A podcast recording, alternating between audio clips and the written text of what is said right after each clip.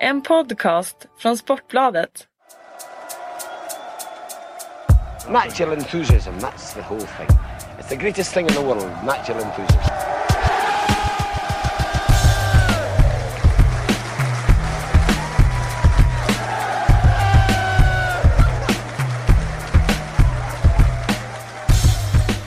Hallå där ute och välkomna till Premier League-podden. Sista avsnittet säsongen 2014-2015. Det var ju minst sagt länge osäkert om vi skulle köra ett avsnitt men på grund av all kärlek eller kanske ja, hot. hot på Twitter från våra kära läsare så eh, lyckades vi få till det här. Jag eh, släpade in två förkylda herrar, Patrik Sjögren och Kalle Karlsson. Stämmer. Starkt att den knyter näven och går in. Ja, så är det. Och gör Nej, men jag mådde faktiskt prima när jag tackade ja till den här podden. Men sen idag så kände jag av lite. Jag tror det är lite allergi och eh, förkylning i kombination. Man hör ingenting på dig. Nej du får Helt lugnt. Det låter Sammetslös. som jag pratar i en burk. Ja. ja, det var en tuff vecka förra veckan. Eh, Det var inte många sekunder. Det var sjukdom. Sjögren, du var dålig och sådär. Eh, Men nu är vi här och vi kör för fullt. Vi, eh, det var ju ett tag sedan, ja i alla fall. Eh, var det tio dagar sedan avslutades ligan. Eh, Sista omgången var det enda som var riktigt, riktigt intressant. Eller bottenstriden var det enda som var intressant i sista omgången. Särskilt för eh, om man var skata. Eh, ska inte bli långrandig med, med Newcastle. Jag måste säga att jag tyckte lite synd om Hall. Som ändå var rätt bra mot United. Eh, jag hade väl två baller inne. Rätt bortdömda. Om jag inte minns fel. Newcastle vinner sin match mot West Ham och det trevligaste där var ju att det var Jonas som gjorde målet efter säsongen som han har varit med testikelcancer. Bortskeppad från Pardio och kommer tillbaka och gör ett av målen. Fick ett de- värdigt avsked sen också. Ja, ja oh, verkligen. John Carver ringer upp Ryan Taylor och sen så ber han honom skicka över telefonen. och Tack, tack för att du fixade nytt kontrakt efter att du haft cancer. Det är så här. liksom. Har du Jonas där? Ja, ja, Nej men det är klart att det var en, eh, det var ju en fin och värdig avslutning på en säsong i Newcastle som har varit så himla dyster. Och det är ju det där med slutintryck. Eh, eh, om eh, en massa år då kommer det vara det folk kommer ihåg från den här säsongen i, uppe i, i, i det området. Alltså Mm. Även om det har varit så här otroligt dystert så det är ändå det där sista man tar med sig från en säsong. Och eh, nu blev det ändå positivt slutintrycket ändå så att om 15 år så är det Jonas avgörande mål som, som kommer att fastna på de flestas näthinna. Ja absolut. Eh, Jag måste känna att jag tyckte att jag får tacka folk där ute. Jag tyckte det är lite roligt. Jag har fått en del skit för att jag har pratat så mycket med Newcastle. Men man har även märkt att man har fått en del Twitter eh, ryggdunkar under tiden när man förlorat match efter match efter match. Så det var ju trevligt att de fixade det till slut. Så du Sen, kan prata ännu mer om dem nästa år menar du? ja vi släpper dem nu. Ja. Men då menar, då menar vi alltså att när jag ge- geniförklarade John Carver så var det helt och hållet korrekt. För det var alltså inför sista omgången. Eller var det efter? I Jag kommer inte Sillypodden? riktigt Jag tror Men det var efter Sillypodden men Ja, fan okej. det finns ju många anledningar till att geniförklara John men du Carver. vill ha kvar honom och du vill ge honom en fet plånbok så han kan varva fantastiska spelare under sommaren. Ja, absolut. Tactics John ska ju vara kvar. På tal om Tactics, Tactics Tim, din favorit, eh, hade ingen... Min favorit har det blivit nu, det är så jävla roligt. Jag skrev en artikel om honom, då blev det min favorit. Du ler ju alltid när jag säger Tactics Tim. Det, Ja. det är inte en gång du inte har skrattat. Nej men jag tycker det är lite roligt att han Nej men det jag tycker är roligt med honom det är ändå att folk tar honom med en så stor nypa salt och sen när han gör något bra så har ändå folk svårt att ge honom cred för någonting som han uppenbarligen gör Förutom bra. du då. För uppen, utom jag då. Ja. Nej men det var ju, jag antar att du tänker på fa Cup-finalen här att han hade lite kämpigt där. Det var ju ganska uppenbart att Arsenal skulle vinna matchen, det, det kände jag nog. Men att det skulle bli så ensidig final där det var liksom pojkar mot män och där det var i princip ett lag på banan och ett som jagar skuggor i hela matchen. Det, det trodde jag ju inte. Jag trodde i alla fall att de skulle kunna ansamla en eh, energi för att i alla fall göra en match av det. Men eh, det var ju det kändes som att det var minst en division som skilde mellan de där två lagen där. Och det är ju ett styrkebesked för Arsenal. Jag menar, där var ändå ett Aston Villa som med den där energin och entusiasmen sprang över Liverpool i semifinalen.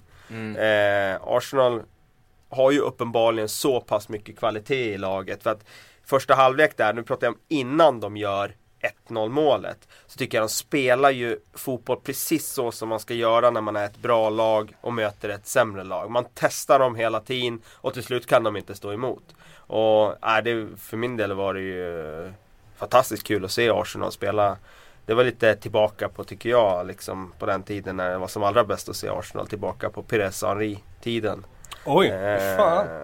Ständig, Med st- ja men ständiga liksom Spela, gå iväg, spela, gå iväg, pass and move, pass and move och Hela tiden hot i djupled eh, från alla möjliga spelare. Så det var lite, nej det var, det var imponerande. Men var Tactics Tim lite naiv då? För det pratades ju om att han skulle ge sitt lag chansen och, och anfalla, ändå ha lite boll och ge dem liksom möjligheten att spela en fotbollsmatch. Borde han draga ner dem ännu mer? Ja, samtidigt så tror jag inte att Aston Villa hade stått emot på det sättet heller. De har ju inte eh, någon supertight defensiv så. Hade de haft fyra kolosser i eget straffområde som står och nickar undan allt och så. Då kanske de hade kunnat gjort det. Packa ihop laget på egen plan halva, låtit Arsenal stå och slå inlägg och sen räkna med att man städar undan det. Men jag tror inte de hade grejat det heller. Utan jag tycker nog någonstans, trots resultatet, att han någonstans ändå gjorde rätt. De var på Wembley, de hade fått sin cupfinal. De ville ge det chansen. Det fick bära eller brista och det brast ju ganska ordentligt. Men jag kan inte kritisera det. Va, vad schysst jag är mot Tactics Team. Ja, det är skräll, eller hur? Ja, absolut. Fan. Ja. Men jag, jag reagerar lite på, jag såg sändningen på Viasat Fotboll var det väl och Erik satt i studion då och liksom höjde turneringen som liksom någonting lika prestigefullt som Premier League nästan och sådär. Försvarar den som någon jätteviktig titel liksom. Ja, jag och Erik är inte riktigt överens Nej där. men jag känner de ställer ändå upp Eh. med sina reservmålvakter liksom om man får vara stenhård. Och jag, alltså jag respekterar ju alla som eh, går igång på FA-cupen och sådär. Jag gör personligen inte det längre. Det känns ju inte som lagen Eh, gör det heller. Nej, det gör de inte. Jag menar, det är bara att titta på de första omgångarna när lagen går in i turneringen så är det inte eh, alltid med det starkaste laget. Och ett City kan förlora hemma mot Middlesbrough i FA-cupen och åka ut på det. Eh, För de och- kanske har planerat en resa till Dubai.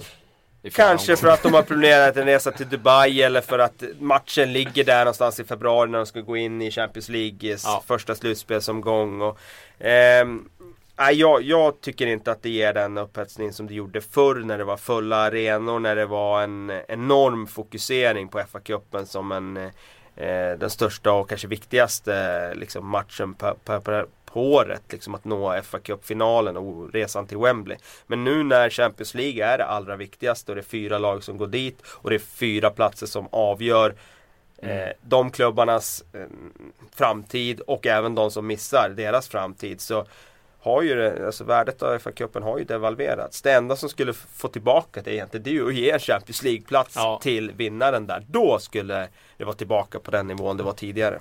Men får man rasa lite mot de här jävla segerparaderna som börjar gå inflation i Absolut, också? man får Ja, rasa alltså, hur mycket man vill. i Men vad i helvete, är det en seger, förlåt alla Arsenal-fans, men är det en segerparad när man vunnit FA-cupen?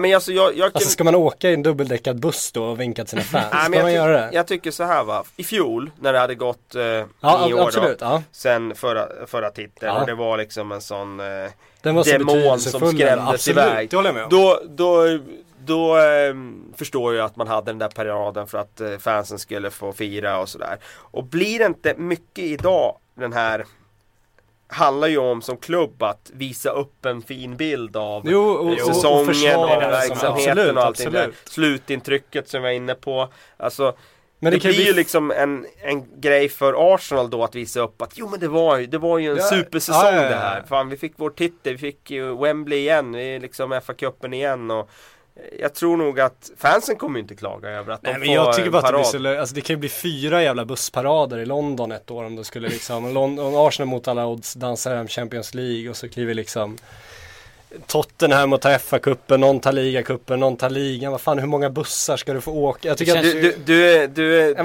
du ett- om det låter som att du för trafikkontoret Absolut, talan här. det gör jag alla dagar i veckan. avstängda Nej, jag, vägar jag tycker inte om när man säger Du vill ha framkomlighet i Exakt, London-trafiken. det är viktigt för Ja, nej, men Nej, men jag tycker inte om när man devalverar en gest. Jag tycker det var så häftigt när du vinner Champions League och det finns sådana paradbilder på lag som liksom helt fyller gator. De har verkligen gjort någonting viktigt. Det är som när liksom, eh, typ, vad fan, det går ju också våra jävla Kungsträdgården-hyllningar. Vem som helst kan ju åka till Kungsträdgården och hylla. Det räcker ju att du vinner en jävla junior-EM-guld i långfärdsskridsko så börjar folk prata prata om Eller kom trea kanske till och med ska du ändå på det. Men alltså, Alltså jag vad kan- fan, men jag tycker kan- man ska försvara de värdena för att till slut går det inte att hylla någon på ett värdigt sätt när de tagit en riktigt stor titel för att alla hyllas på det, Det sättet. du säger, det är alltså Sergels torg och Kungsträdgården, det är VM-guld eller OS-guld. Sergels torg VM-guld i hockey för att det är en tradition. Annars ska fan inget jävla lag hyllas någonstans. Om det inte mot förmodan blir ett VM-brons fotboll till exempel. Om Ja. man skapar någonting unikt på det sättet. Det var ju så unikt då för att det hände ju inte att, folk- att lag hyllades på det sättet. Det var ju därför det var så häftigt. Det var ju bara hockeylandslaget. Men nu hyllas ju alla i Kungsan. Jag ser fram emot bussparaden i augusti efter, Cher- efter Community Shield. Det, det, det, det är det jag... Det är ju där vi är det, det jag. Ja, vad Det får fan, bli vilket- mitt slutord i den här. Och så kan vi ses i Kungsan sen. Skulle när U21 du eh, köra buss i, eh, utan, i Karlberg om ni skulle gå upp? Nej! skulle du köra buss Vi skulle inte köra någon buss, SL, buss ettan, runt Kungsholmen. ettan ut till Essingen. Så Ja, står ni. Precis. utan samma- Nej, men jag kan hålla med dig att värdet det liksom sjunker ner lite. Man kör bussparad två år sen skulle de vinna Champions. Så vad gör man då? Ska man hyra ett jetplan då eller liksom? Alltså, vad det, fan? det, det blir löjligt någonstans. Ja. Liksom. Nej, sluta åka buss för helvete. Vi hade ett par, eh, jag tänkte säga tjommar men det är väl lite respektlöst. Men några fina spelare som lämnade ligan. En, Ja, det var lite, det var lite respektlöst. Jävlar. en eh, kille som, det kanske betyder något helt annat i Småland. Ja, okej. En Säg kille det. som var eh, lite bättre för några år sedan kanske i Premier League vad han nu var Didier Drogba. Han kanske var den som firade ligatiteln mest i sig. Sen hade vi Frank Lampard och eh, Han firar ändå inte lika mycket som Jack Wilshere firar sin jävla Nej, och sen hade vi ju Rod. Rod fick ju göra mål och fick ju Lampard också i slut. Samtidigt fick ju Rod en av de värsta smällarna som Jag förstår inte hur man kan ställa upp på det sättet när han gör sin sista match om man är lagkamrat. Nej, Men nu är det ju två matcher i rad som Liverpool har vikt ner sig. För att Ja. någonstans var ju hans avslutning, tyckte jag, det var ju inför Hemma, hemmapubliken jo, jo, jo. på Anfield i näst sista omgången. Och då åkte man ju på däng där mot Crystal Palace. Eh, Eh, Lampard ju. Vad sa du? Alan Pardew. Ja precis, och jag menar Där skulle ju spelarna någonstans eh, Där trodde man ju att de bara skulle gå ut bara på Gerards eh, liksom Mm. vägnar, Ja. gå ut och köra över Crystal Palace. Det gjorde de inte. Ja då fick de en chans till och så åker de upp till Stoke och, och får stryk med, med 6-1 liksom. Det var, ja, det, jag såg inte den komma faktiskt. Även om säsongsavslutningen har varit väldigt, väldigt negativ i Liverpool så såg jag ju inte 1-6. Ja, det är, något, det är lite respektlöst. Ja, det, var, det kändes inget bra att Steven Gerrard, den store Steven Gerrard får avsluta på det sättet. Men- och liksom gå ut bakvägen från Premier League, eller bakdörren liksom. Nu ska man inte, nu vet ju alla att de saknar hans spelkvalitet men någonstans så känns det som att den där tokiga galna inställningen med bett och sjuka grejer som Luis Suarez hade när han var där. Det måste ju ha lyft det laget på ett helt sjukt sätt egentligen mot att Ja, de alla, alla medel är tillåtna. Det är ju någonstans någonting bra så ja, länge absolut. du lyckas den, inställ- tygla men det den lite. inställningen finns ju inte hos Liverpool. Finns den inställningen så ger man ju inte Gerard det usla avskedet Nej, nej, fick, någon liksom. måste ju bli rasande under matchens gång. Så enkelt Ja, är det. Någon måste ju reagera och säga att det här är inte okej. Alltså Nej. nu, nu får vi fan. Det, så är det absolut. Och det har man inte kvar liksom. Men alltså eh, Vad känner ni att de tre snubbarna drar? Eh, ja, var de tar vägen någonstans? Nej men alltså Vad har du haft för minnen av dem, intryck, alltså din känsla när du ser Steven säga hej då till Premier League, Lampard, Dogba liksom. Ja, nej men alltså det är ju, om vi, man får nästan ta dem var för sig för att eh, de är så pass stora, stora så att de förtjänar det. I Ja. Steven Gerrards fall så har han varit en av Premier Leagues största spelare under hela 2000-talet. Det är väldigt lång tid, det är 15 år nu. Mm. Sen han någonstans blev en bärande spelare i Liverpool. Han har eh, det är fortfarande en av de absolut största klubbarna i världen trots att de inte har vunnit ligatitlar de senaste 25 åren. Så eh, Han har varit en symbol för laget, för klubben, för staden. Det är, det är en av de allra största spelarna i engelsk fotboll under, ja sen Premier League startades. Mm. Eh, det är klart att det är eh, lite sorgsamt att han lämnar nu. Och att det blir ju alltid ett tomrum. Vem ska komma in och Ja. ta den där kostymen? Eh, även om man kanske spelmässigt inte har burit den själv de senaste åren så är det ändå en enorm stjärnglans som försvinner. Frank Lampard är ju samma sak. Han har ju eh, när han stod på sin topp där i mitten av 00-talet då var han ju liksom framme och, och utmanade om Ballon d'Or. Eh, och han var två, bra. tvåa i omröstningen efter Ronaldinho ett år där. Och han, Samma eh, typ av spelare också. han... ehm, nej men han kommer kanske inte få det där erkännandet som han egentligen förtjänar. Han, jag menar, han är en central mittfältare som gjort mer mål än någon annan central mittfältare i, i fotbollshistorien. Och då finns det alltid de där man kan vända och vrida på om man liksom tar in nummer 10 spelare och kallar dem för centrala mittfältare. Men om man tar en box till box mittfältare så är det ingen central mittfältare på högsta nivå som har gjort så många mål som Frank Nej. Lampard har gjort. Och det är eh, någonting som man borde få större erkännande för än han kanske har fått hittills. Eh, när det gäller Didier Drogba så där är det lite sådär tudelad för att han tycker ju jag personligen Hans eftermäle är ju lite överskattat eh, Jag älskar Drogba och framförallt den Drogba som var i Chelsea, i Chelsea de, under Ja. åren 2004 till Ja vad blev det? 2012 2012, ja. Eh, men framförallt ska jag säga den Drogba som var där i de där första vändan, eh, första åren där 2004 till 07 där, 08 Då var han ju en av de bästa anfallarna i världen. Han var ju en sån där centertank som eh, ingen försvarare gick säker. Men han var ju väldigt, väldigt ojämn. Han var ju en big game player så fort det var en stor match så var han ju ofta bra och det ska han ha enorm credit för för att det är ju ofta tvärtom med stora spelare att, eh, eller ja, stora spelare men, Men de med som många inte blir stora spelare. Ja precis, att de som inte blir stora spelare att de sviker i stora matcher. Han var ju helt tvärtom. Han var ju så, alltid som bäst i stora matcherna och jag menar bara hans målfacit mot Arsenal. Wenger drömde ju mardrömmar om Drogba eh, för att han gjorde ju alltid mål mot Arsenal och även i andra stora matcher. Men han var ju väldigt ojämn och en eh, regnig tisdag i Stoke som det brukar heta så, så var han ju väldigt loj och, och eh, ofta tycker jag rätt eh, eh, rätt begränsad faktiskt i allround-spelet. Men eh, när han var taggad och när, eh, när han verkligen var på tå då var han nästan ostoppbar. Så det är klart att det också är, det är en av de största anfallarna i Premier Leagues hi, his, korta historia också. Men jag tycker väl att han, jag tror att folk kommer ihåg de här stora stunderna när det gäller Drogba. Men jag tycker att han, om man jämför med Gerard och Lampard. Han var en rejäl skugga. Ja precis, verkligen. Alltså, alldeles för ojämn för min smak. Men jag tycker det finns ett problem också nu när Gerard och Lampard går. Det är ju så här, alltså, det har man diskuterat länge att Premier League inte längre är en engelsk liga. Att det blir fler och fler utländska spelare och nu undrar man ju vart de engelska profilerna är. För alltså om du ska göra en poster nu på Premier League och du ska... Tom ska liksom, Cleverley, Ja men exakt, ja men du ska ju liksom göra reklam för nästa säsong. Säg att du tar de tio största affischnamnen, alltså om du verkligen ska sälja in ligan. Du tar de tio, tio killarna som liksom ska locka folk, ska locka folk i Indien, ska locka folk i USA, ska locka folk i, i Sverige och titta på Premier League. Alltså just nu, John Terry kanske skulle gå in på den listan. Men Ja. vem, vad finns det mer för engelska profiler? Wayne Varför har- landslaget Wayne Rooney är Ja, ju inte den han var. Ja, Wayne Alltså, Rooney han blir ju ändå ett Ja, han stort blir- han namn. blir med. och Jo men alltså. han är ju ändå inte alltså Nej, han är inte där han var. Men han är med, han är inte. ändå ett affischnamn. Raheem Sterling, han går ju inte av PR-mässiga skäl. Nej. Den enda klubben där han borde vara älskad, där är han tvärtom inte Ja. älskad längre. Så vad, vad har, för det är det jag tycker att Gerard och Lampard har haft som största roller. Det är att de har ju Ja. varit tydliga Ja, ikoner, liksom. Ikoner både för landslaget, för engelsk fotboll och framförallt för Premier League. Ja. Men det finns ju ingen kommande engelsk Nej. ikon ser jag. Det- Alltså Rooney absolut, men han är också på väg ut. Det är några som behöver verkligen breaka då för att ta det steget. Jack Wilshere, Ross Barkley, alltså John Stones, alltså sådana spelare.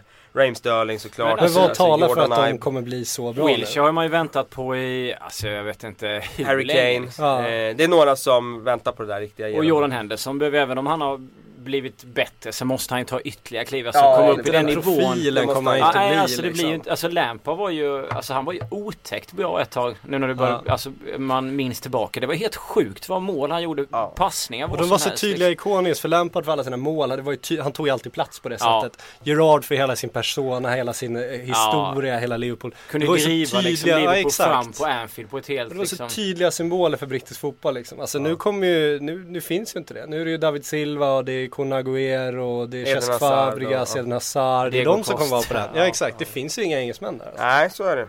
Det är ju ändå ett problem för Premier League skulle jag säga. Så är det ju och det är ju någonting som man har sett i kikarsiktet när man har tittat. För jag menar de senaste sex år, jag menar sen EM 2008 har det varit ganska uppenbart att det är engelsk talangutveckling. Eh, och det var ju då man började sätta verkligen fingret på det, att den har ju varit så eftersatt. Jämfört med Spanien och Tyskland och sådär. Så man har ju kunnat se det här och rätt Absolut, länge har man ju kunnat sett ett det kommer bli ett trauma efter den här gyllene generationen med Ferdinand, Terry, Gerard, Lampard.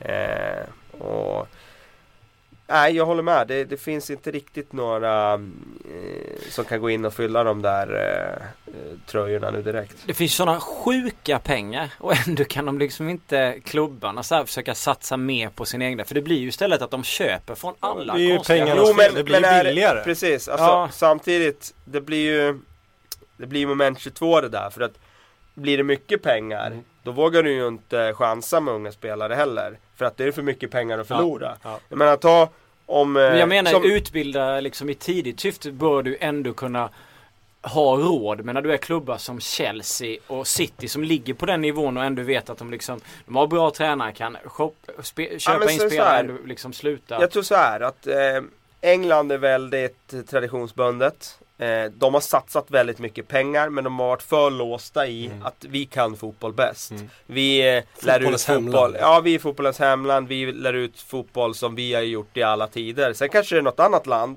som har blivit föregångare Spanien, Tyskland och sådär. Då tittar man inte tillräckligt mycket ditåt för att vi är England, vi Hej, kan boys. det här.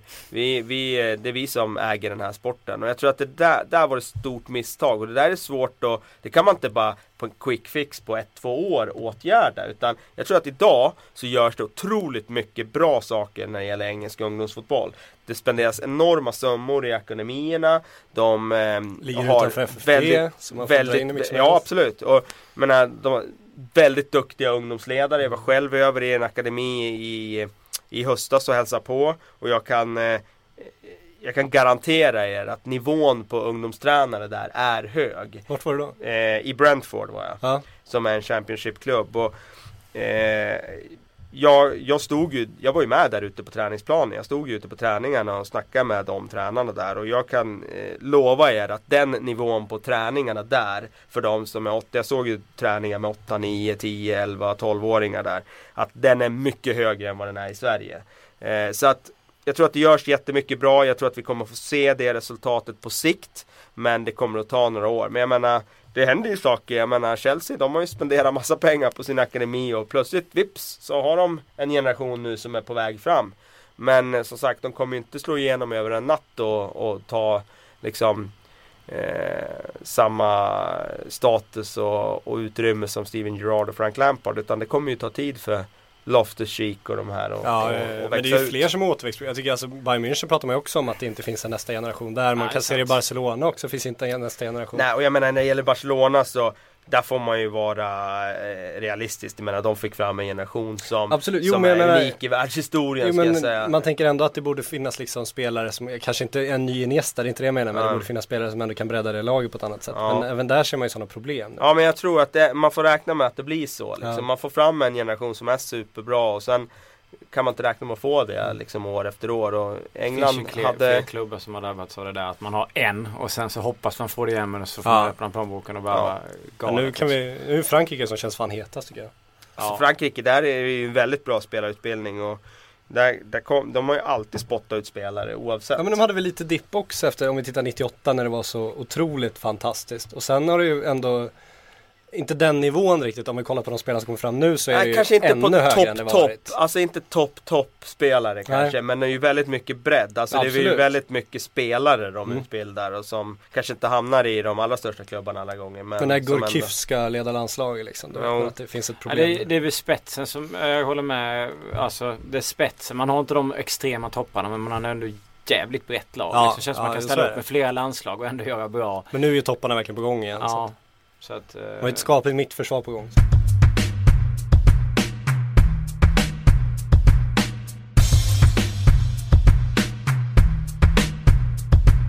vi har ju ett fett ämne som du ska gå igenom Kalle. Vill du köra Jaha. det på en gång eller? Ja, du Du bestämmer. Det är du som Det har leder varit en podden. kommunikationsmiss här Ja, igen. vi kör det. men- Nej, det, det här är ingen Nu kommer kommunikation. det Vi har redan pratat om det idag. Oj, Ja, ja, ja, ja. ja. Eh, den Kalle, mordblicken jag Kalle fick precis. har eh, rankat eh, managerna Oj, i eh, Premier League.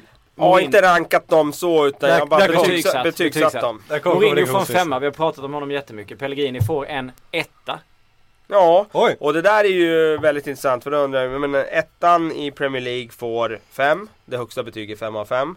Eh, som jag då fem Så ska brukar det motsvara. vara på bladet 5 plus. Ja, precis. Eh, och den som kommer två i Premier League får en etta. Men jag har ju den där uppfattningen att det är väldigt, väldigt svårt att eh, för det första att eh, utvärdera tränarens insatser för vi har inte insyn i vad de gör. Nej. Det enda vi kan bedöma det på det är ju vad som vad vi ser i resultatlistan. Och det spelar egentligen ingen roll vad man gör som tränare. För att om man gör eh, en sak och laget vinner, då är det rätt.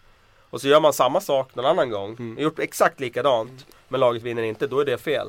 Och så där kommer det alltid vara, så där har det alltid varit. Och det är det som alla någonstans har liksom kommit överens om att det är så det ska vara. Fans, media och alla andra runt omkring. Vilket innebär att i José Mourinhos fall så tar de två titlar. De vinner ligan i överlägsen stil. De spelar fantastisk fotboll under hösten. Eh, när det inte längre gick att vinna matcherna på det sättet så hittar de ett alternativt sätt att vinna eh, matcher på. Och man kan inte kräva mer. Det man skulle kunna kräva ännu mer av det är Champions League. Men vi kan ju också se att England har tappat mot de bästa i Europa. Eh, det är inga andra klubbar i Premier League som har tagit sig längre än Chelsea. Utan eh, jag tycker att eh, i Mourinhos fall så är det värt en 5 av 5. Han, eh, han gör eh, Ja Han infriar förväntningarna och mer därtill tycker jag. Eh, I Pellegrinis fall så är ju målsättningen såklart att de ska eh, slåss om titeln. De gör inte det riktigt. De lyckas inte ta sig längre i Champions League. De åker ut ganska tidigt i kupperna Ligacupen och FA-cupen. Det blir alltså ingen av de här fyra eh, slagen lyckas de i som förväntat. Sen tycker jag också att hans betyg dras ner av de värvningarna som man gör. Det vill säga Mangala har inte lyckats. Fernando eh, har väl gjort det godkänt, knappt godkänt, alltså så. Men det var väldigt mycket pengar man spenderade och eh, det har inte fallit väl ut. Och frågan är om man inte skulle ha gjort generationsväxlingen, påbörjat den lite tidigare. Eh, redan liksom för två år sedan eller förra sommaren. för Klassiskt inte fel det där att du rider lite för länge på det som faktiskt fungerat. Och sen, eh, Men det, vi har ju kollat, det var ju ett av Europas åtta äldsta lag liksom. Alla 365 alla- ja. lag eller vad det var i toppligorna. Så ja. det, är- det är uppenbart nu i efterhand att det där är ju, det, det är för gammalt. Ja, så att eh, på det sättet så kan det bli så stor skillnad. Och sen har jag ju satt eh, betyg 1 är ju inte katastrof utan jag kallar ju det bara för underkänt. Ja, du är lite feg där. Nej men jag kör det efter eh, Aftonbladets Ja, nej, men det är 5 korrekt. plus eh, skala. Ett underkänt. Wenger får en trea. Ja precis. Eh, jag menar det var ju nu FA-cupen eller inte. Vinner man så, eh, så är det en bra säsong och förlorar man så är det inte en bra säsong. Och jag håller väl lite med om den beskrivningen också för nu blir slutintrycket eh, ändå positivt där för Arsenal. Samtidigt så lyckas de ju inte kriga om titeln. De är borta från titeln i ett tidigt skede.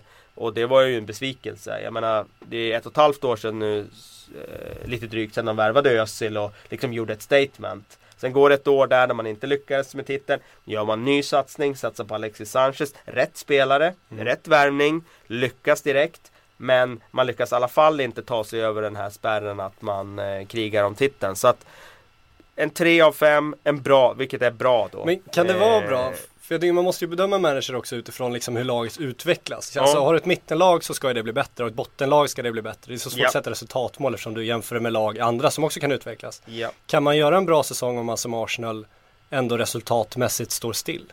Jag tycker det, för jag tycker att de är närmare nu än vad de var förut. Jag tycker truppen har förbättrats. Eh, värvningarna har varit bra, det vill säga han har Eh, värvningsmässigt har han fått in Alexis Sanchez, han har fått in Welbeck, han har fått in Gabriel i försvaret som jag tycker var en, en av de viktigaste värvningarna eftersom Arsenal ofta hamnar i det där problemet att någon går sönder och då är det katastrof eh, direkt. Så att eh, jag tycker att eh, han har gjort det bra, han har fått fram eh, Coquelin på ett väldigt bra sätt. Utan att behöva spendera stora summor. Eh, Bellerin på samma sätt. Eh, så att jag tycker att det har funnits en utveckling i Arsenal. Inte så stor så att de är nära titeln idag. De behöver värva för att ta det steget. Men det är ändå en utveckling i rätt riktning. De har en bättre trupp och de är närmare titeln idag än vad de var för ett år sedan. Så därför tycker jag ändå att det har varit en bra säsong. Men jag sträcker mig inte längre än till 3 av 5. Mm. Vi har gått igenom tre lag. Eh, Du vill att vi Jag speedar jag upp lite? bara Jag älskar går igenom alla Ja. lag för det blir alltid för långt. Absolut. Eh, jag, t- jag försökte hoppa Ja, över bara Mourinho ja, för att ja. vi har Ja, pratat. men jag, jag måste ju ifrågasätta Ja, ja, också hur, hur, ja, vi, ja, hur vi jag bedömer det här. eh, Van Schaal får en trea. Ja, han, han räddade Champions League-platsen. Det var målet inför säsongen. Eh, sen misslyckas de ju totalt i, i cuperna så. Eh, Ligacupen ut, krasch ut direkt och Eh, I FA-cupen var det inte ut direkt men det var ändå ut eh, hemma mot Arsenal. Och det fanns väl eh, liksom en aspekt där med att man värvar för enorma pengar i somras så att man hade kunnat förvänta sig mer. Men jag tycker inte det. Det var rimligt med en fjärde plats så ja, 3 och 5. Tottenham, Pochettino, 3. Ja. Genomfört generationsväxling någonstans. Eh, satsat på unga spelare som eh, Harry Kane till exempel. Det här var ett mellanår. Man visste att Tottenham kommer inte ha någonting att göra med topp 4. Eh, eller ha något att göra. De kommer inte ta topp 4 i alla fall. Eh, och jag tippar dem sexa och de slutar femma. Det var lite bättre än vad jag trodde. Så att eh, Ja, det var rimligt för min del och, tycka att det ändå har varit en positiv säsong. Sen här finns det ju en farhaga med Pochettino. Det är det här med att hans lag dippar alltid på våren. Och det slår sällan fel. Och det, det, det är någonting han måste överbevisa eh, eh, belackarna om. Brendan Rodgers får underkänt, alltså 1 av 5. Ja, och jag kan inte landa i någon annan eh, slutsats där heller än att det blir underkänt för, för vår vän Brendan. Jag var ju en av hans eh, absolut största anhängare för ett år sedan och tyckte han gjort ett helt fantastiskt jobb. Men det blir ju också så att förväntningarna och ribban höjs då. Och eh, de eh, slutar sexa. Det var inte vad de hade tänkt sig. Eh, och eh, de misslyckades ju även i Europa League. Mm. Eller förlåt, i Champions League. Mm. Eh, I Champions League, förlåt. Eh, så att eh, det, det, kan inte bli något annat. Värvningarna har varit blandad kompott kan man säga. Det laget har inte utvecklats känns det Nej, det har gått två, två, steg, två steg Exakt, bakåt. och då måste det bli underkänt. Ja. Det är egentligen bara värvningen av Balotelli som är lite i Riktigt, riktigt, riktigt bra. Ja, riktigt bra. Nej. Sen har vi Ronald Koeman. Ja. Eh, som kanske inte så många trodde skulle göra så bra. Eh, Quality sleep is essential for boosting energy, recovery, and well being. So, take your sleep to the next level with Sleep Number. With a Sleep Number smart bed, you can individualize your comfort level and enjoy a better sleep night after night. JD Power ranks Sleep Number number 1 in customer satisfaction with mattresses purchased in-store. And now the Queen Sleep Number C4 smart bed is only $1,599, a saving of $300, only for a limited time. For JD Power 2023 award information, visit jdpower.com/awards. Only at Sleep Number stores or sleepnumber.com. Med tanke på så många spelare som har försvunnit. Men eh, han gör ju ändå suveränt och du ger han 5 plus. Ja, eh, jag tycker ju att han är manager of the year i Premier League faktiskt. Utifrån förväntningar, utifrån Eh, John Carver eller vad? Eh, vad håller du på, på med? Tactics, tactics team. tactics team. Eh, nej men eh, han tappar så många fundamentala spelare. Han lyckas värva på ganska kort tid ihop ett lag som ändå direkt går in och levererar i Premier League. Han sätter ett försvarsspel som fungerar under hösten. Eh, det var ett väldigt svårt utgångsläge han hanterar otroligt bra. Det är synd att de dippar under våren men jag menar att SA-15 så länge med och hotar om en fjärde plats i ligan. Det var ingen som trodde det. Det var ju liksom folk på allvar förra sommaren som trodde att de skulle åka ur. Ja man kommer ihåg den där bilden han själv la ut när redo för träning med en tom, tom träningsplan. Tom liksom. Det är ju en riktig klassiker redan. Bara att han får liksom Schneiderline och bara så här gå in i laget igen och prestera. Bara det är ju en jävla bedrift. Mm. Att han liksom lugnar ner i alla fall och drar tillsammans. Det är fan riktigt bra gjort. Det är generösa betyg Kalle, jag gillar ja, okay. det. Alltså. Kalle är en snäll person. Ja, absolut. Så. Okay. Du ger ju Tactics Gary en femma i Swansea. Tactics Gary är ju en av mina favoriter. Eh, Gary Monk, han... Eh... Fick han fem? Mm. Ja. Och du är chockad Sjögren. Nej, men jag säger så här. Det, är tre femmor redan. Det, tycker, alltså, det brukar vara liksom en som är lite över. Jag tycker för sig att Mourinho, jag tyckte att fem kanske var lite generöst där. Men det kan mm. vi lämna. Ja men man kan ju argumentera för fyra för Mourinho ja. på grund av Champions League-uttåget där. Och, ja, och på grund av att förväntningarna liksom ändå var så här stora. Mm. Det var det här man, man trodde skulle hända. Ja. ja. Men, Nej, eh, men i Gary Monks fall då så tycker jag att eh, det är värt en femma. Han eh, ehm, har ett väldigt tufft läge att ta över i. De tappar väldigt många spelare i somras, mm. Swansea. Eh, de, han har med, ska säga, små medel ändå gjort det väldigt, väldigt bra. De hotade upp mot fjärdeplatsen, upp mot hösten. Och det är inte så mycket mer man kan kräva av de här lagen. För man vet att de kommer inte ja. hålla hela vägen. Utan gör man det så, då har man gjort det väldigt bra. Eh, de tappar sen Wilfred Boni eller ja, de säljer honom. De får ett bud som en klubb som Swansea aldrig kan tacka nej till. Och de säljer honom och de lyckas ändå reda ut våren med hjälp av ja, Gomis då. Mm. Eh, jag tycker att det är en väldigt, väldigt stark prestation av honom och det är bara att titta på hur många klubbar som har fått upp ögonen på honom och rycker i honom nu. Att, att det är fler som har sett det. Slutar alltså 8 Swansea. 9 Stoke. Mark får 4 av 5. Ja, eh, placering på övre halvan. Eh, begränsat eh, okej okay spelarmaterial men de tappar faktiskt sin bästa spelare Mm. eh, i Bojan Kirkic väldigt tidigt på säsongen. Och de lyckas ändå efter det eh, stå upp resten av säsongen och ändå ta en plats på övre halvan. Jag tycker att det det är bra gjort. Sen har ju han också lagt om eh, spelidén i Stoke. Eh, Slutar de- med inkast. Ja precis, de har inte det som, som eh, strategi längre så att jag tycker att eh, Nej men det, jag menar, övre halvan för Stoke, det, det, det kan inte göra så mycket bättre. De är Nej. inte bättre än så. Han har ju utvecklat laget också. Han har ju förändrat laget. Ja. Han har hittat ett nytt sätt. Du vill ge han en femma, kanske sexa? Nej, jag är egen klass. Tvärnöjd med femmorna. Men fyra tre- är alla tre, dagar med fyra, på. det. ja. Fyra Ja, tycker ja. alla dagar med på. Crystal Palace, Neil Warnock får en etta. Eh, sparken inte godkänt. Och eh, Alan Pardew får 5 plus. Ja. Ehm, om vi tar Neil Warnock då så kan det inte bli annat än detta i min bok för han tar, ut, av, han tar över till Crystal Palace. I och för sig ett väldigt svårt läge där när Tony Pulis hoppar av precis före säsongen. Jag är den första att säga att det inte är lätt att kliva in då. Nej. Men han tar över Crystal Palace som ändå har ett jäkla uppsving från förra säsongen. Eh, och de ligger på nedflyttningsplats när han får sparken. Så att, och han får gå. Eh, det, det kan inte bli två godkänt i min bok utan det Nej. måste bli underkänt. Alltså att du ens behöver motivera det här Nej. liksom. och sen Alan, Pardew då, fem... om, Att du ja, ens behöver motivera det här. Nej liksom. det be- behövs inte göras. Han gör ju det som Tony Pulis gjorde i fjol och det var värt en femma då och det är värt en femma nu också. Kan lova dig att det betyget kommer han inte ha efter nästa säsong när vi ser honom i en hel. I promise. Uh, Ubauto Martinez får en etta i Everton. Inte, ja. Ja, under... Jag förstår det men jag kanske skulle gett han en tvåa men jag fattar. Okej. Tvåa, hur kan det vara godkänt? Okej, Nej men jag, en etta tyckte jag var lite väl hårt kanske. okej. Nej för Okej. fan, underkänt. Det är klart det är underkänt. Ja, jag tycker det är underkänt. Det här var ju året då Everton skulle liksom eh, ta nästa steg och etablera sig i toppen. Eh, de hotar på fjärde plats i fjol. Nu slutar de 11. Det är inte i närheten av godkänt. Investera Lukaku, de gör liksom Lukaku-värvningen, Ska eh, lyfta dem, de ja. ska upp på fjärde platsen. nej, det, för mig är det solklar detta. West Ham får tre. Sam Allardyce eh, gör ju en väldigt stark höst och hyllas unisont. Och eh, laget eh, ligger alltså på fjärde plats i tabellen den 27 december efter segern där. Eh, sen rasar det ju ganska rejält under våren men ja, jag tycker ändå trea förtjänar han. De slutar tolva, de gör en väldigt stark höst. Många värvningar också tycker jag som, eh, som är bra. Jag menar Diafra Sakho, eh, Kouyaté, Ene Valencia. Det är mm, Aaron Cresswell framförallt. Av den anledningen med tanke på värvningarna som de gör och som klubben kommer ha nytta av nu framöver så, så är det en Det är tre. hösten och värvningarna. Ja. För dalningen borde ju... Ja. Renderar ett sämre betyg, absolut. Sen har vi VBA.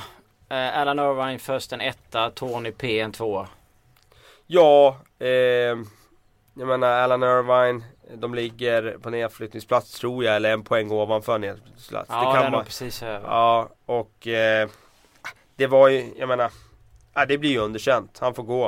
Eh, och de ligger i botten när han får gå. I Tony Pulis fall så har jag tittat på deras resultat från det att de tog över. De är inte superbra, de är okej och de räddar kontraktet. Och det är lite tack vare att andra klubbar också svek. Eh, inte bara för att, han, att de fick ett sånt himla uppsving under honom. Utan ja, godkänt. Nigel Pearson 4 plus. Ja. Eh, Räknar de sista sex matcherna? Sju, Jag räknar ju slutintrycket här och det är det som är grejen. Att det blir ju någonstans det som Ja. får bli avgörande för betyget. Och jag är den första att säga att det är klart att det blir väldigt små marginaler det här och liten skillnad mellan himmel och helvete. Men det är ju det som är tränargrejen, att det blir ju väldigt eh, svart eller vitt. Och de gör ju, tycker jag i och för sig, en bättre höst än vad, de, vad som syns i tabellen. I många matcher spelar de rätt bra, men de har verkligen stolpe ut. Och, men eh, att de gör den här uppryckningen som de gör och är det bästa laget i ligan poängmässigt från 4 april och framåt. Det är ju sensationellt. Och jag menar nu slutar de ju inte ens nära eh, nedflyttningsstrecket till slut. Nej. Så att, eh, och med, med ett väldigt begränsat material. Väldigt, väldigt begränsat material. Det är ju en stomme som spelade i Championship, ska vi komma ihåg. Så att det var ju ett lag som knappast tippades på Nej. Eh, kliva upp och, och spela någon glad fotboll och, och hota uppåt. De hade några fina höstmatcher också. Ja det var ju där United, där. där, men det var ju tidigt och sen efter det tror jag inte de vann på tre månader Nej. sånt där. Sen har vi Newcastle, Allan Pardew får 3 av 5 i den klubben. Det kan vi hoppa. John Carver får 1 av 5. Kan vi också hoppa. Eh, han tycker själv att han är Tactics 5 John, Tactics John får en. Tactics John får en. Eh, Ja. Sunderland går vi till. Jag bara hopp, eh, Gustavo Poirier får en etta. Ja. Eh, dela din, eh, ditt betyg. Dick. Eh, Superdick. Eh, eller vad var det han kallades? Tactics Dick kallas han. Det var något roligt i slutet där. Eh, två av Jag tror fem. inte att det är Superdick. Jag hoppas Två av inte det. fem. Det vore Ja, man kan ju argumentera för att han hade eh, en uppgift och det var att rädda kontraktet när han tog över Superdick här. Eh, det vi kör på det eller? och eh, det, det grejer de ju ändå. Det är klart att någonstans åka och få en poäng på, på Emirates där i slutet, det är ju väldigt starkt. Det, det skulle ju kunna argumentera för en trea, absolut. Men Är man jag Superdick så är man Superdick. tycker till de resultaten de ändå gör så, ja, godkänt. Eh, ja, två, liksom, det är det han ska. Det var ju någon brittisk tidning som hade något roligt eh, Ja, det förvånar mig inte. smeknamn med honom efter. Det kanske inte var Superdick men det var något annat i alla fall. Som jag tyckte var Jag kul. tycker det är alltid kul när det gäller eh, när vi smeknamn, när man kan lansera nya smeknamn. Ja, det det, jag med. är- det mitt mål. John och... Jag vill ju, jag Men du googla va- Superdick kommer Jag vill ju vara den snart som liksom, gör, ja men liksom. ta liksom smurfkedjan i Brynäs där tidigt Ja, 90-tal ja. liksom. Den som har lanserat det, den kan jag inte liksom säga det. Det var jag som lanserade Ja, ja. det. Eh, om det var Peter Wennman eller vem det var, jag vet inte. Jag minns inte. Jag lanserade Z-kedjan men den har jag mest fått skit för. Så att, Ja, okej. men den är jag själv lite stolt över. Vi går vidare. Mm. Eh, Paul Lambert en etta, Aston Villa. Ja. De kommer 17. Tactics Team 5, Tactics 6 Team- av 5. Tactics Team har bara 3 av 5. Ja. Oj. Skämtar du eller? Ja. Vad hände där? Herregud. Är det fel? Ska jag redigera? Nej. Nej Jag- men man har ju förväntningar. Är man Tactics Team så Ja, förväntar man sig en Champions League-seger liksom. Det är det man som är grejen. Att, eh, nej men det är klart att eh, betyg ska ju vara mellan 3 och 4 där på, på Tim. Men rent resultatmässigt Alltid så... oavsett. Ja men jag menar... Han är ju han, 4 plus. han tar ju laget för fan till fa Cup-final. Nu får ni ta och kamma till er. Alltså, hur Ja, kan han, ni... är, han är bländande han faktiskt. Jag tycker han är fantastisk. Han tar alltså Villa till fa Cup-final. Han säkrar kontraktet med marginal. Han får igång Benteke, han får igång Cleverly. Eh, jag tycker definitivt att det är en eh, trea, kanske till och med en svag fyra. Jag håller Ha. faktiskt med. Hall, Steve Bruce 1 plus. Det är inte så mycket att kommentera. Nej. Det har varit svagt. Ja. Sean. Burnley. 19 plats. Får 2 av 5. Ja, Eh. med motiveringen att eh, Alltså, jag tror inte någon annan hade gjort ett dugg bättre Det är med det där nästan så att han ska ha en materialet. trea. Är Ja, nästan. alltså, Tactics Team man hade ju faktiskt kunnat läsa. Ja, Eller Superdick. man vet aldrig. Superdick är kung. Tactics Gary möjligen. Tactics Eh, Gary.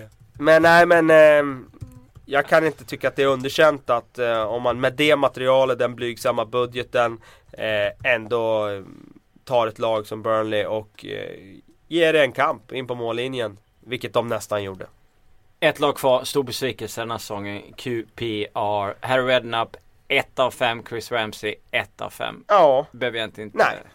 Det är ju, de ska inte ha högre. Nej. Harry var ju tvungen att gå va? Det var ju så. så att han Det var hade ju varit där. kvar annars. Det var ju knät. Ja, det gick ju inte längre. Men efter att ha gått igenom den här listan nu då. Eh, Real Madrid ska ha en ny, Det gick eh, snabbt gjorde det. en, tränare. en ny tränare. Tactics John, Alan Pardew eller Superdick. Tactics Team. Superdick. Nej men det är ju Tactics Team, så är det ju. För jag fattar att se Tactics Team i Real Madrid.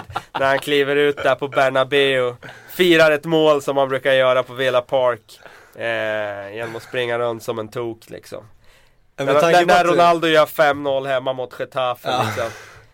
Ja, Det vill John, John. Carver hade sagt fan. att Ronaldo gör för lite mål. Han vill inte göra fler mål. Ja, just Han med flit gör han för lite mål.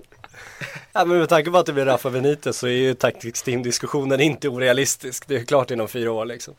Känns ju lika logiskt. Eh, Det är massa frågor här i burken. ja, men jag vet att Sjögren pratade om att han ville snacka lite toppen. Ja, Det var ju sig förra veckan. Ja, den det där har jag klarat av för länge sedan. Du vill inte göra det längre? Nej, jag vill inte ha fler utdragningar och så här redovisningsplikt där. Det tycker jag Nej. att vi har avverkat nu. Då släpper vi det. Eh, lite spontant, vitt brett, hur som helst, höjdpunkter, besvikelse. Spotta ur lite grejer liksom så Oj. ni känner. Och det kan vara vad som helst. Ja, jag vet ju vad jag skulle kunna dra men Ja, jag, har, jag, jag har gjort det ett par Kasta gånger ut så jag, jag Ja, tänker inte okej. göra det igen. Det är samma spelare. Samma gubbe. Höjdpunkter. Ja, okej. Höjdpunkt då? Ja, men, Jag skulle ja, vilja säga, jag skulle vilja lyfta Leicester Manchester United som en trevlig tillställning överlag. 5-3 matchen där. Ja, den var riktigt fin alltså att Ja. kolla på.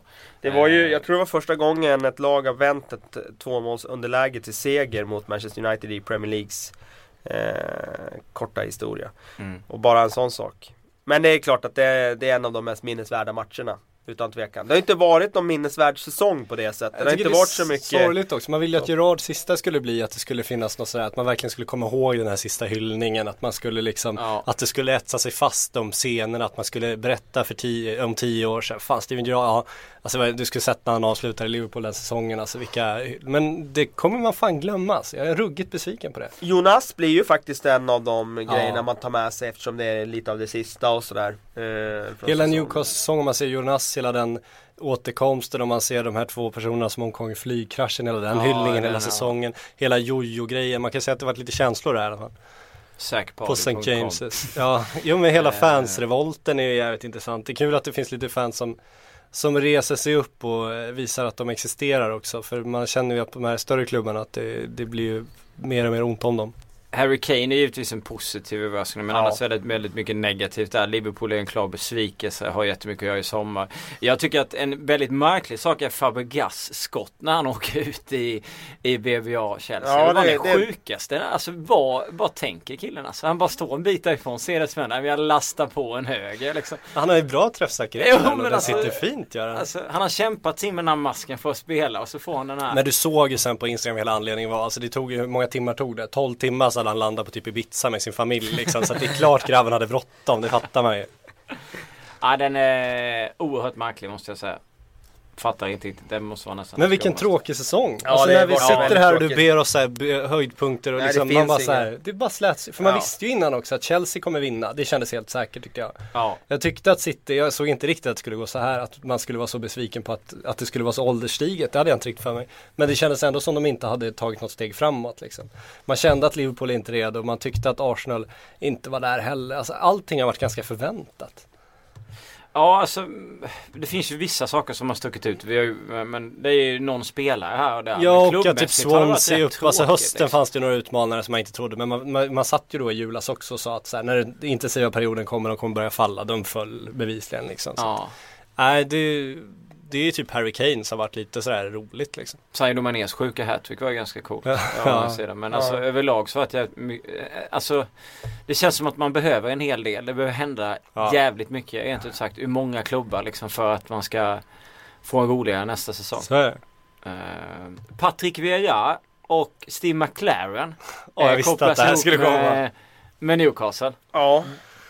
Bu eller bä för vem, vem som Nej helst. men alltså båda är ju spännande tycker jag. Sen är det klart att det är självklart att eh, alla runt omkring kommer tycka att Patrik Vieira är det allra mest spännande än en gammal liksom avdankad förbundskapten som Steve McLaren. Men det är klart att Patrik Vieira med allt vad det innebär och hans legendstatus i, i Premier League och så eh, skulle ju vara en väldigt kittlande grej att få in i en klubb som, en stökig klubb som Men Newcastle. är det rätt då? För det man känner när det är en så stökig klubb att du behöver ju en manager som någonstans dels kan hålla Mark Ashley i skick och säga emot honom, stå upp mot honom och dels kan liksom bli även föra fansens röst på något sätt.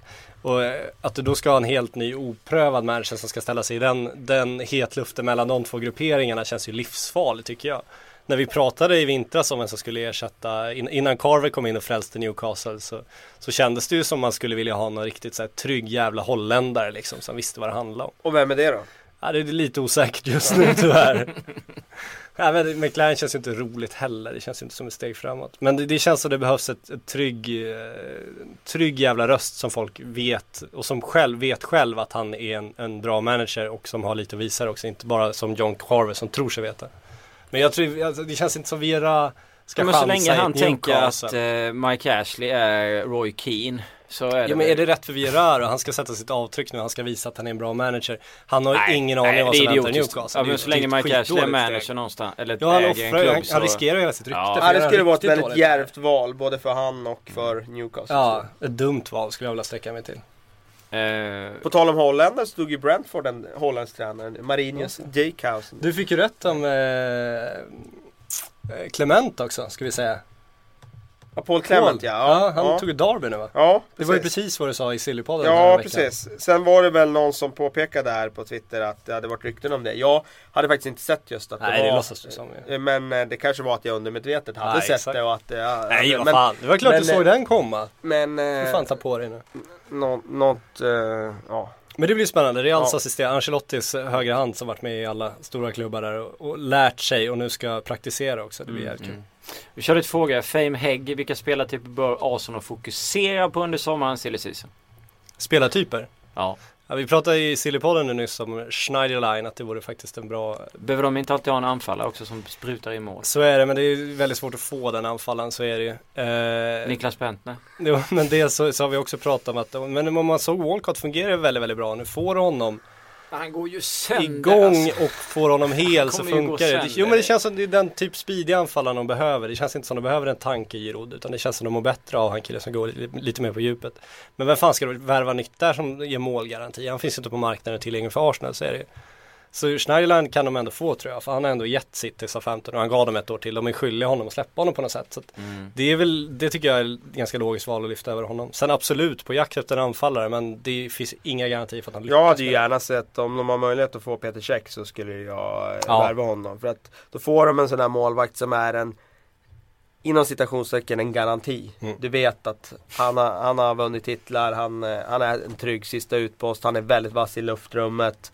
Eh, jag tror det skulle betyda mycket för Och Arsenal. han sa ju det, hans agent också, att han vill stanna i England. Han vill inte flytta utomlands i första hand. Och att det inte är Mourinho som bestämmer utan att han har fått ett, ett eh, ja, men en garanti från Abramovic att han ska få välja klubb fritt. Ja. Och det tyder ju på att det blir en annan engelsk toppklubb då. Och Då Ja. ligger ju Arsenal väldigt nära Ja, det gör Det är roligt det där med att byta målvakt i Arsenal. De, ja, känns som de gör det jämt. Nästan. Eh, Ja, okej. Ja, okej. jag känner Chesney och Spina, ska de byta nu igen och så kommer han eh, antingen Jo men det är en annan check sak att byta till Peter Käck för Jo. vet du verkligen vad du får liksom. Då Det är- får väl, eh, då har han väl kvar en längre period än att byta efter liksom. Ja, de har ju ändå fått chansa ända sedan Simon känns det nästan som. De hade väl Jo men. Fabianski är ju eh, Jo, men har det- varit ganska, alltså han har ju varit över förväntan Jo men det är fortfarande Han- chan- chansningsnamn Jo, på något sätt. Peter Käck Jo. är ju, där vet du ju exakt vad du får. Kan du få honom är det klart du ska ta honom, det håller jag verkligen med om.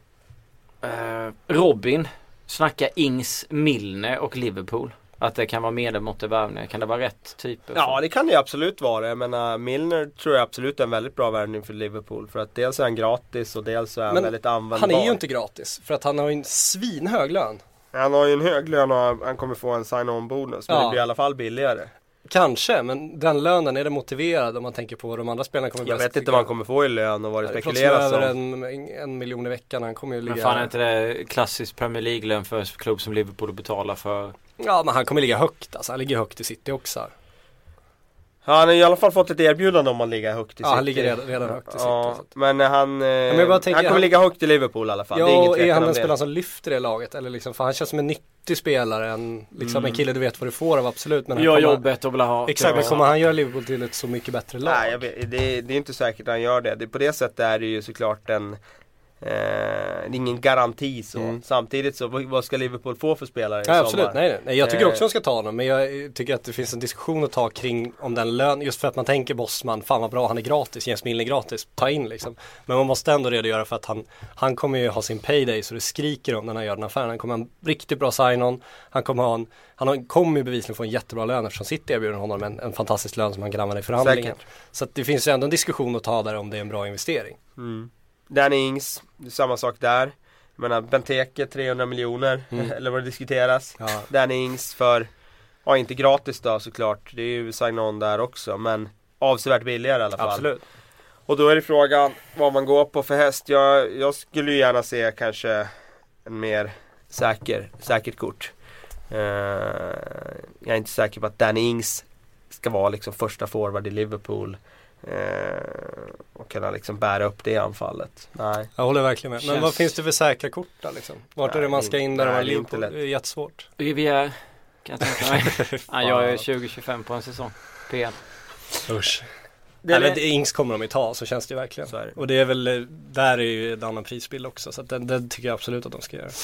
Assis undrar Eh, främsta hotet är Chelsea. Väl, nästa säsong, väldigt svår fråga med tanke på att Silly Ja. inte ens börjat. Så Ja, det, är svår att Men man måste ju någonstans, om man kollar på utvecklingen United fick av sina ett år gamla värvningar om de kan få samma utväxling av sina förra sommar, eller två gamla värvningar, om de kan få samma utveckling på sina värvningar från förra sommaren så kan det ju bli ett betydligt, alltså det känns som de har störst utvecklingspotential just nu tycker jag. Ja. jag tycker Plus de en väldigt stor transferbudget i sommar igen. Exakt. Eh, nej, jag tror också att det finns en utvecklingspotential där. City står inför ett renovations Svårare, renoveringsarbete. Det, Mm.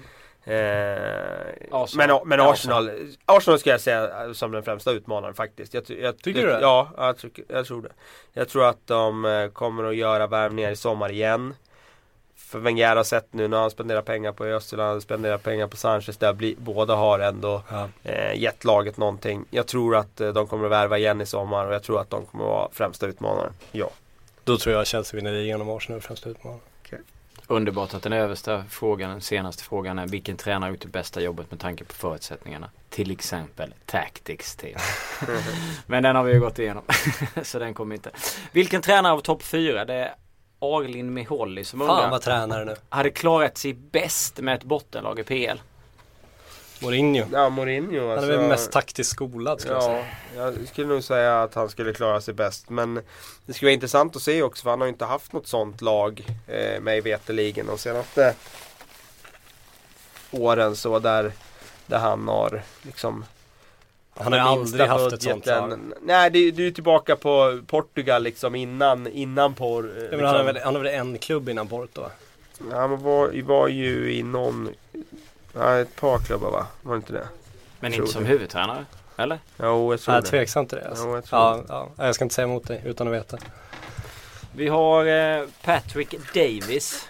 Kan någon, och i så fall vilken, alltså spelare antar jag då, har han skrivit här, från Championship liksom plockas in och bli något utropstecken? Är det någon som ni har liksom kunnat snappa upp som ni känner att ah, den här killen kan göra ett rejält jävla avtryck liksom. Jag har inte kollat så mycket Championship så jag har faktiskt ingen detaljkoll sådär på spelare. Det blir ju bara de här man hört talas om. Inte att man har sett dem själv liksom vecka efter vecka. Så att, Så svar nej då. ja, svar nej. Jag vill se Martin Olsson igen. Det ska bli jävligt spännande. Ja, det blir väldigt För spännande. han var riktigt bra när han åkte ur. Och man undrar om han tagit steg då f- när han nu, om han fortsatt utvecklas där nere. Det har man ju haft svårt att se liksom. Han är ju en sån där spelare som jag upplever, han är ju ofta bra mot bättre Ja, lag liksom. ja. Man kan, eh, mot liksom Manchester City borta kan han vara bra och Ja. äga sin kant en första halvlek liksom. För att han är så pass rivig, så pass snabb, Ja. stark liksom så. Ja det var en grym match också. De gjorde ju bra Norwich. När de drog in, hur mycket pengar är det nu om man går upp? Vad är det man En garanterar? miljard nästan, ungefär. Nästan en miljard Ja, det kommer bli, eh, Första från, är det typ från en- inte den här säsongen utan nästa efter det får du väl 1,2 miljarder om du åker ur, om du är sist i Premier League i tv-pengar. Det fick Ah. eh, Liverpool 2013-2014 fick de 1,1 när de vann, eller när de hade mest tv-pengar. De vann inte ligan men de hade mest tv-pengar. Det är lite spännande. Eh, nothing but return undrar om eh, Brennan Rodgers ska gå nu. Nej, jag tycker inte det. Alltså gå, du menar, då menar han självmant eller? Ja eller försvinna antar jag. Ja, Men kan man få försvara honom nu? För liksom vad får han av Kör. klubbledningen som gör laget bättre? Han har, får ju bara ett försla- försvagat lag att jobba med år efter år. De får inte in någon som är liksom, som verkligen har toppat det laget. Och det är ju uppenbarligen en liten jury som sitter och bestämmer där och annat. Han har inte full Nej, makt över det. Så Så, liksom vad, vad har han att jobba med? Vad är det som talar för att Liverpool ska bli ett bättre lag när liksom Luis Suarez säljs? De får inte in någon riktigt, han får liksom panikvärva som det var Balotelli. Då tyckte jag att det var en bra affär, det vidhåller jag. Men det, det fick, in, de fick inga utslag för det. Och nu eh, kommer de inte överens med Raheem Sterling, han får det kaoset i sitt knä liksom. Alltså han, han har inte mycket hjälp uppifrån. Nej, men blir det inte det också du, du har året efter eller ett år efter där du har Gareth Bale i Tottenham till exempel. Samma sak där du har en spelare som är så otroligt viktig. Allting är liksom centrerat kring honom. Han är jättebra. Suarez likadant förut. Då var ju precis Sturridge. Då spelade han ju matcher. I år så spelar han inte några matcher. Nej. Det går jättebra och sen ska du fylla och bygga om liksom. Och du får ju inte stjärnspelaren utan du får ett par okej lirare som du hoppas liksom ska kunna gå in och de ska byta miljö flera ju- Tottenham plockade Solda- Soldado och Lamela. Ja, men det är, så, alltså, det det är så lätt att peka på managern. Det var väl om det var Carragher som var ute och sa det att man vill ha nu från den här gruppen som bestämmer över värvningarna. Så vill han liksom att de ska, var och en ska framträda, att hemlighets, alltså den här slöjan över dem ska bort. Så var och en man ska få veta exakt vad alla gör, vad de har för ansvar. Så att man ändå kan utkräva ansvar av rätt person i klubben också. Ja. För just nu hamnar ju allt på Rodgers. Och han är, är ju ganska styrd där. Ja, så. Men jag tycker inte att han ska gå, det var mitt svar på frågan. Jag, jag tror inte att det automatiskt går att få en bättre tränare. Så det är mycket snack om Jürgen Klopp hit och dit men jag menar jag tror det blir svårt att övertala honom att ta det här breaket som han har sagt nu att han ska göra. Det tror jag, ja det tror jag också. Kan man få Klopp tycker jag att man absolut ska ta diskussionen för att symbolvärdet blir så otroligt Mm. stort. Men jag tror att det, det Liverpool ska diskutera framförallt är ju inte om de ska ersätta Brendan Rodgers utan det är hur de ska jobba i framtiden. Om de ska ta in en tydligare managerroll och få en kille som, som får fullständigt ansvar om det är rätt väg eller om de ska behålla det här som uppenbarligen inte fungerar jättebra. Sean Soliano från eh, Serie A, det är en bra sportchef på att värva billigt. Vi har haft en ganska så här är slätstruken han? säsong. Du får dra det där nu Ja. Hellas Verona. Ja okej, Mm. du kan inte bara sluta där och förvänta sig att man ska ta den där direkt. Helvete. Han har ju skyttekungen. Luca Toni. Ja, exakt. Han gjorde väl 20, vad gjorde han? Han var väl i Palermo tidigare. Ett fynd från ungdomslaget. Ja precis, eh, ja verkligen. Ja, vi har haft en slätstruken säsong så det känns som att det är massor att göra i flera olika klubbar. Mm. Det känns som att det måste hända mycket i sommar och det kan bli en jävligt rolig sommar. Vilket gör att man går från Premier League-podden till Sillypodden. Ja, Exakt, jo men det känns ju som alla, alltså Chelsea behöver inte bygga om men de, det, det försöker jag ofta säga som jag tycker att folk kanske glömmer att det, det är när du är på topp du nästan måste förändra för annars kommer du stå Ja. still eller, eller dala och då kommer de andra komma ikapp dig. Ja, Så någonstans måste ju de våga ta beslut för att utveckla sitt lag. De måste våga släppa spelare som har fungerat. De kanske måste våga släppa William som är en trygg defensiv kraft och för att få in en, en ännu bättre kraft där. De måste liksom våga ta de stegen. De kanske måste börja fasa ut John Terry snart, även fast han är så otroligt bra för att liksom hinna få in nästa spelare. Men sen bakom där så är det ju alla lag som är i utvecklingsfas. Det är inget som är klart där. City måste bygga om, Arsenal är en bra bit på väg men är fortfarande på gång liksom. Liverpool måste ju nästan börja om igen. Manchester United måste fortsätta. Det finns ju inget lag som liksom känns som de är tydligt. Det är väl Arsenal som är mest tydligt i sin utvecklingsfas att de, har någon, att de är på väg åt rätt håll liksom. Så har det känts länge men de vinner ju fortfarande inte. Nej så är det, men jag håller med. Kalle om att de faktiskt har hittat en investeringspolicy som äntligen känns lite sund. Det här att de faktiskt tar en Galactico eller vad man ska kalla det per, per sommar som de verkligen går in tungt och investerar för att utveckla laget. Det, tidigare har de ju mer eller mindre chansat varje sommar. Nu har de liksom ändå vågat investera i en kille som de vet kommer leverera. Även fast Özil kanske inte fått ut max av honom så har han ändå förbättrat det laget tycker jag. Man älskar ju någonstans när Wenger sa att vi tittar på, vi köper någon, vad var det, om vi hittar någon kvalitet annars blir det inget och folk blir mer och mer oroliga. Ja. Sen när fönstret stängdes så kom det aldrig någonting. så var det ju alltid, så satt Kim Källström i en bil Ja, och tonade rutor. fantastiskt. Eh, Kevin frågar Diego Costa ut, Zlatan in. Camilla säger nej till.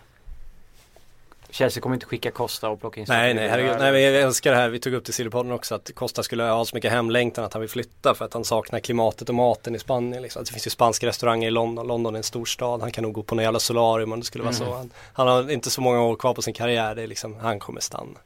Och Zlatan kommer, det är om han ska spela en andra fiol men den Nej. lönen för en andra fiol det kommer liksom inte hända. Då är det svårt att åka och jaga i Baku varje sommar också. Ja, Azerbajdzjan. Fantastiskt. Eh, osocial media. Borkas heter han på Twitter. Han undrar helt enkelt vad ni ska göra i sommar. Eh, jag ska eh, vara ledig. Snart går jag på... Eh, Långledigt? Nej, inte långledig men jag kommer att... Mitt jobb trappas av lite här nu i juni. Ska jag eh, fokusera på att vara tränare i några veckor. Sen ska jag gå på semester och eh, ha det gött i solen. Lyssna på poddar om allt möjligt. Inte fotboll utan allt möjligt annat. Och ligga på stranden och eh, bada lite, tänkte jag. Fan. Gullig, gulligt svar Ja, Kalle tyckte jag. Ja. Eh, jag ska till Norge först och göra A-landslaget, sen gör vi U21, Ja, jag det och Jönsson. trevligt. Ja. Det blir trevligt. Ja. Sen ska jag eh, vara lite ledig. Nyhetschefa lite, då kommer det bara bli silly kan jag säga. Oj! Helvete vad sajten kommer Oj. draperas av silly. Tidningen kommer bara vara silly. Kanon. Underbart.